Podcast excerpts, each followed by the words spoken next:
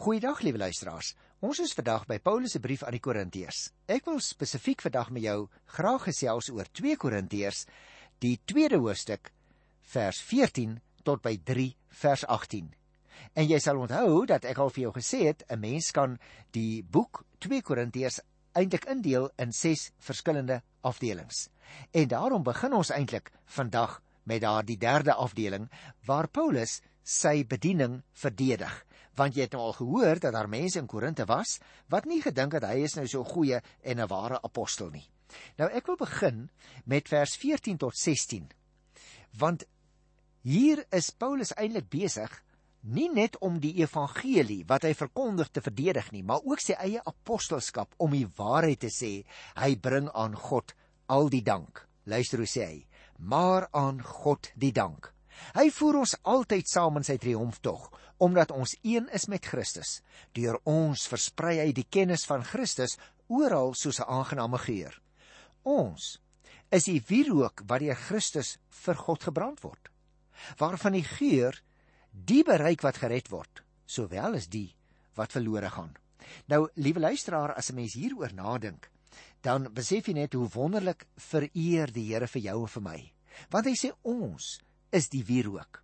En wie wat? Ons is soos mense wat in die triomftog saam met Christus op sy wa is. Jy weet destyds het 'n uh, generaal wat uitgaan in die oorlog, as hy nou die oorwinning behaal, dan vat hy 'n paar van die slawe van die oorwonne volk, hy bind hulle aan sy eie wa vas en dan ry hy triomfantelik terug na sy eie stad toe terwyl hierdie arme mense moet agterna hardloop. As hulle meer kan hardloop nie, dan sleep hy hulle agterna. Maar nou sê Paulus, ons is saam met Christus op die wa. Luister, maar aan God die dank. Hy voer ons altyd saam in sy triomftog omdat ons een is met Christus. En daarom is dit eintlik wonderlike verse wat ons in ons hart kan bære en wat ons kan gebruik om daaruit te lewe elke dag. Hy sê by die 17de vers ons omdat ons nie is soos baie ander wat geld maak uit die woord van God nie. Ons verkondig die woord in opregtheid, in verbondenheid met Christus, in opdrag van God en in verantwoordelikheid aan God. Hierdie man het geen ander bybedoeling met die evangelie nie. En hoekom sou hy dit sê hier in Hoofstuk 2 by die 17de vers? Die rede is dit: party van die predikers in daardie tyd was soos bloedsuiers wat net in geld belang gestel het. Hulle het net voorgegee dat hulle die mense se belange op die hart dra, maar hulle het dit maar net voorgegee. In werklikheid het hulle nie die boodskap wat hulle verkondig eers verstaan nie. Hulle was ook glad nie begaan oor die uitbreiding van die koninkryk van God nie. Al wat hulle wou doen was om geld te maak. Nou wil ek dadelik sê, liewe luisteraar, ongelukkig is daar vandag nog in ons tyd ook maar. Hierdie wat sal ek hulle noem? Godsdienstige bloedsuiers in die sogenaamde God business vir wie geld en nie die waarheid nie die belangrikste is. Mense wat waarlik namens God praat, moet integriteit hê en nooit preek omdat hulle bloot finansiële voordeel daaruit kan trek nie. Jy kan gerus ook oor hierdie aspek, ek wil nou nie verder daaroor praat nie, as jy wil gaan kyk in 1 Timoteus by die 6ste hoofstuk, vers 5 tot by vers 10. En daarom bring dit ons nou by die 3de hoofstuk en dit is my net so 'n wonderlike gedeelte. Ek gaan dit eers eh, net die eerste 3 versies saam met jou lees en dan gaan ek so bietjie daaroor gesels. Die apostel begin met 'n vraag begin ons weer om onsself aan te prys? Of het ons miskien soos party ander mense aanbevelingsbriewe aan julle of van julle nodig? Julle is self ons aanbevelingsbrief, geskryf op ons harte, vir almal om te lees en te verstaan. Dis tog duidelik dat julle 'n brief van Christus is, deur ons diens geskrywe, nie met ink nie, maar met die gees van die lewende God, nie op klip nie, maar op die harte van mense. 'n Dame het my eendag gebel. Sy wil sê Christene is briewe. En ek dink sy het heeltemal reg dit gesê na aanleiding van hierdie eerste 3 verse van 2 Korintiërs. Wie luisteraar, ek het dit vir jare so gehad in my eie gedagtes dat hier eintlik staan jy en ek as Christene is die Here se briewe aan die wêreld. Hulle moet ons lees om iets van die evangelie agter te kom. Ons kan dus goeie advertensies vir die Here wees of slegte advertensies. As 'n mens dan ook hierdie gedeelte preek, dan roep jy jou hoorders op om goeie briewe in die wêreld te gaan wees. Nou miskien is daar sommige van julle wat al uh hierdie baie mooi gedeelte op julle eie lewe toegepas het en dan ook die gedeelte geneem het en vir die ander ou gesê het, hoorie, gaan wees 'n brief vir die Here. Miskien, liewe luisteraar, het jy al ontevrede met jouself gevoel by tye vir jouself gesê, Maar ek is al my ou swak advertensie. Ek is 'n treurige brief. Ek is nie tot eer van die Here nie. Nou dit lyk vir my mens kan hierdie teks so verstaan en toepas om te sê jy en ek is briewe vir die Here. En ons word gelees. Maar wie het ook weer 'n keertjie na hierdie gedeelte gekyk het, het ek agtergekom ons kan dit eintlik ook op 'n ander manier toepas. Die bedoeling lyk dit vir my al meer is nie dat Paulus hierdie Korintiërs oproep om goeie briewe te gaan wees nie. Dit lyk nie vir my dis wat hier staan nie.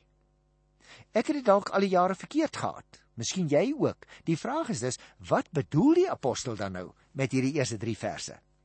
Kom ons sê eers mekaar dit op 'n ander manier voordat ons na Paulus se manier kyk.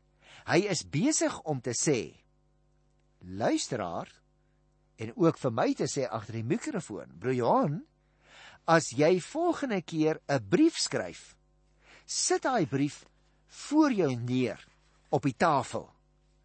Moet dan nie vir jouself vra vir wie gaan ek hierdie brief stuur om dit te lees nie. Sê vir jouself, hierdie brief is die bewys daarvan dat ek as dit ware soos 'n sekretaris opgetree het.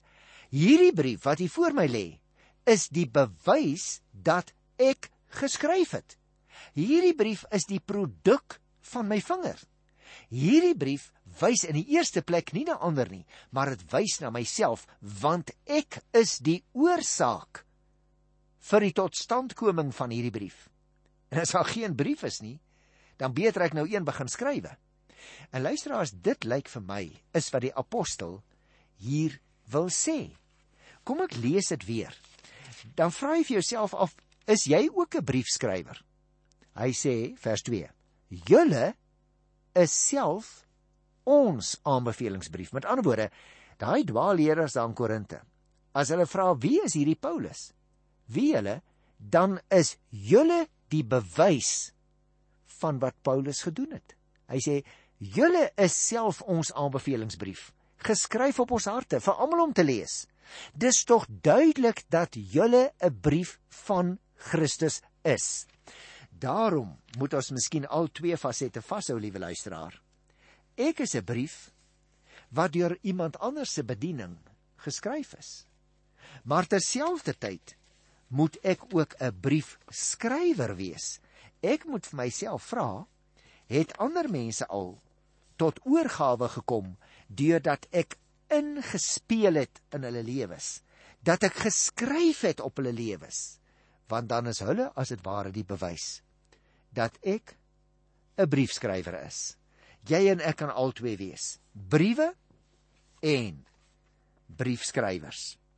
En dit bring my by die volgende paar verse van hierdie hoofstuk. Kom ek lees dit vir jou. Want daar kom iets anders na vore. Ek lees vers 4 tot by vers 6 en dan gesels ons daaroor. Paulus skrywe: Ons sê dit omdat ons deur Christus ten volle op God vertrou. Uit onsself is ons nie in staat om iets te bedink asof dit uit onsself kom nie. Ons bekwaamheid kom uit God wat ons bekwaam gemaak het om bedienaars van 'n nuwe verbond te wees. Nie van die letter nie, maar van die gees. Die letter maak dood, maar die gees maak lewend. Maar ek wil vra liewe luisteraar, het die lewe jou al ook so nou en dan 'n paar klappe gegee? Kom ek noem jou voorbeelde. Jy het op jou pa of jou ma vertrou en toe maak hulle droog en het jou baie teleurgestel. Of die onderwysers het jou nie regtig 'n kans gegee wat jy gemeen het jy behoort te kry nie. En toe laat spat dit al jou selfvertroue aan skerwe, toe jy nie die geleentheid kry nie. Sê vir jouself, is ek ooit goed genoeg? Kom ek noem 'n ander voorbeeld. Dalk het jy teleurstelling na teleurstelling ervaar vir nou 'n lang tyd al. Mislukking of mislukking belewe. En nou is jou selfvertroue heeltemal daarmee heen. Of dalk is jy een van die ongelukkiges wat vandag sal moet sê ek het my werk verloor. Ek is uit die span uitgelaat. En ek voel regtig ek is heeltemal onbekwaam. Want jy sien liewe luisteraar, die uiteinde hiervan is ek voel nie meer van waarde nie. Ek raak gedeaktiveer. Ek raak uitgeskakel. Ag man, dis nie so belangrik nie verdedige name onlangs haarself teenoor my toe ek met haar gesels. Sy sê: "Wie's ek nou eintlik?" Nou, dis natuurlik nie waar nie, luisteraars, want elke mens het groot waarde voor die Here. En nog belangriker as dit, as jy dalk miskien so voel vandag, dan lei die Here se koninkryk skade as gevolg van jou passiwiteit. Omdat jy nou nie goed voel oor jouself nie, sit jy nou maar langs die baan. En nou weet jy twee dinge baie goed. Ons voel almal die een of ander tyd so hoor. Iets anders. Die Bybel en dis die goeie raad wat ek vandag vir jou wil gee. Die Bybel het goeie raad vir jou as jy soms ook so voel. Die raad wat die Bybel gee, luisteraar, hang saam met die rol van die Heilige Gees in jou en in my lewe. Want sien, volgens die Bybel is dit die Gees van God wat die Christen bekwaam maak, so skryf Paulus hier. En ook bekwaam wil maak. En dit is aspekte waarvan baie Christene ongelukkig onbewus is. Ek wil vandag aan hierdie aspek bietjie raad gee. Luister wat sê die woord. Johannes 3 vers 3 tot 5. Die Heilige Gees het jou nuut gemaak deur die nuwe geboorte as jy in Christus glo.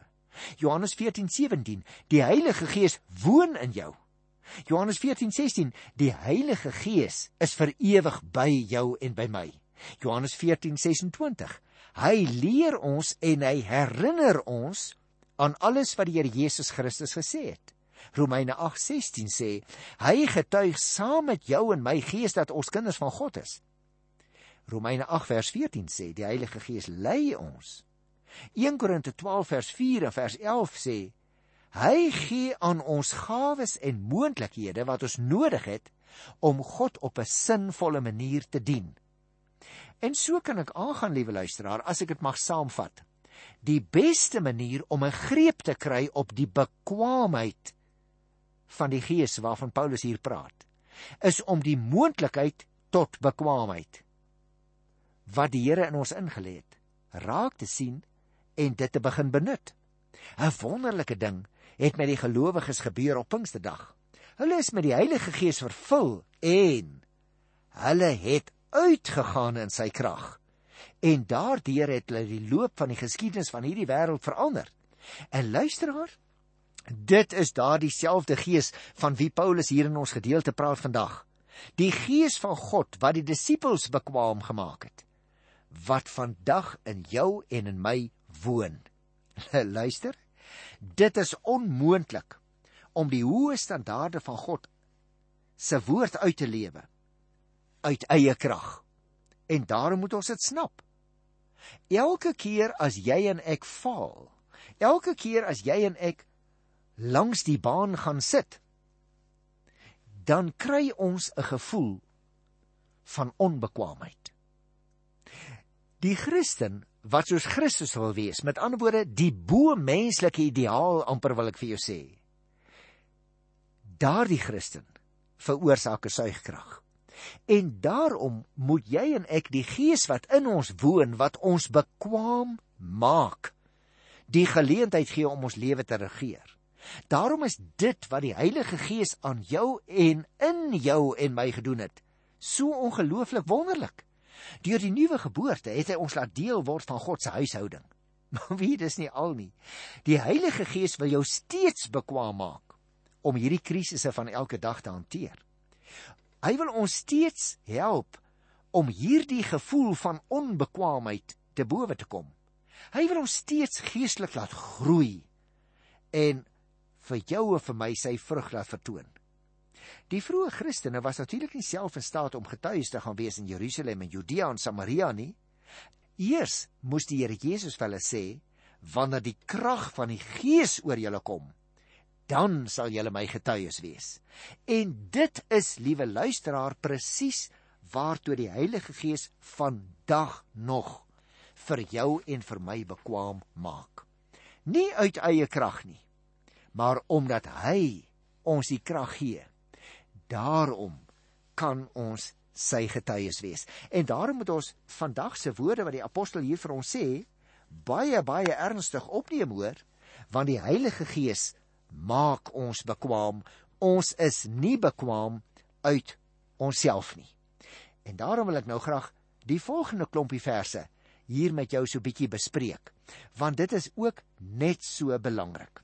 Hier van vers 7 af lees ons: Die wet wat in letters op klip gegraveer is, het in heerlikheid gekom en hierdie heerlikheid wat tog gou sou verdwyn, het op die gesig van Moses so geskitter dat die Israeliete nie na hom kon kyk nie. As die bediening wat tot die dood lei met soveel heerlikheid gekom het, hoeveel groter sal die heerlikheid van die bediening wat deur die Gees geskied dan nie wees nie. Jy sien dit is nou net wat presies waaroor ons gepraat het. Want as jy nou sou gaan kyk in Eksodus 33 daarby vers 7 tot 9, dan sien jy sien, tydens die woestyntog kon die Israeliete wat dit baie moeilik gehad het met Moses as bemiddelaar met die Here praat om sy wil uit te vind. Die Here was op 'n spesiale manier in die wolkkolom en dan ook in die tent van samekoms teenwoordig. Maar as 'n mens nou verder sou lees, byvoorbeeld in Eksodus 34 vers 33 tot by vers 35, dan sien jy 'n interessante ding. Moses moes 'n doek op sy gesig sit. Heel waarskynlik om nie die Israeliete af te skrik nie, want na sy ontmoeting met die Here op die berg, het sy gesig geblink. En die doek het dan verhinder dat daar 'n uitstraling sou plaasvind. Nou, hoe lank hierdie toestand so aangehou het, dit word nie gesê nie, en ek wil nou ook nie verder met jou daaroor praat nie. Ek wil met jou praat wat dan spesifiek hier in ons gedeelte vandag in vers 13 staan. Ons is nie soos Moses wat sy gesig met 'n sluier toegemaak het nie. Dit moes hy doen om te verhinder dat die volk van Israel sou sien dat die ligglans aan die verdwyn was. Hier word dus pertinent 'n tweede rede genoem, nie omdat die ouens dalk geskrik het nie, maar omdat die ligglans aan die verdwyn was. Daarom moes Moses sy gesig toemaak. En luister nou na vers 14. Hulle verstand was ook toe. En vandag nog bly hulle verstand met dieselfde sluier toegemaak as hulle die Ou Testament lees. Maar die sluier luister nou mooi, maar die sluier word deur Christus weggeneem vir iemand wat in hom glo. Die apostel is besig om te sê destyds het die Jode as dit ware 'n ges, 'n gesluierde gesig gehad. Hulle kon nie sien nie. En hy sê vir iemand wat Christus nie aanneem nie, vir daardie persoon is daar nog steeds 'n sluier oor sy gesig. En daarom kan jy en ek met vrymoedigheid optree. Het die 12de vers vir ons gesê. Want luister wat staan daar? Omdat ons hoop hierop gefestig is, tree ons met groot vrymoedigheid op. En dit bring my dan by vers 16 en 17. Van Moses, ek lees dit nou, dit klink uit die Ou Testament, maar Paulus haal nou aan. Hy sê van Moses sê die skrif egter, elke keer as hy hom na die Here wend, word die sluier weggeneem. Die Here beteken hier die Gees. En waar die gees van die Here is, is daar vryheid. Hier word dus gesê, liewe luisteraar, dat jy en ek in hierdie nuwe bedeling van die Heilige Gees is. Die Heilige Gees wat die sluier weggeneem het sodat ons Christus kon sien vir wie hy is. Kom ek sê dit andersom. Die wegneem van die sluier wat deur die Here Jesus Christus bewerk is, word telkens opnuut weer aan elkeen wat nou in Christus begin glo bevestig. Elke Christen het gevolglik nou oorgegaan van die ou bedeling na die nuwe bedeling, van die ou verbond na die nuwe verbond. Christus het dit alles klaar vir jou en vir my gedoen. En elke keer wanneer die Heilige Gees iemand oortuig dat dit vir hom persoonlik bedoel is, word die wegneem van die sluier weer vir daardie persoon 'n werklikheid. Daarom is dit 'n ongelooflike ding wat die Here deur sy gees aan jou en aan my gedoen het. Jy sien, omdat die sluier deur God opgelig is, is jy en ek 'n vry mens. Ek lees weer vers 17. Waar die gees van die Here is, is daar vryheid.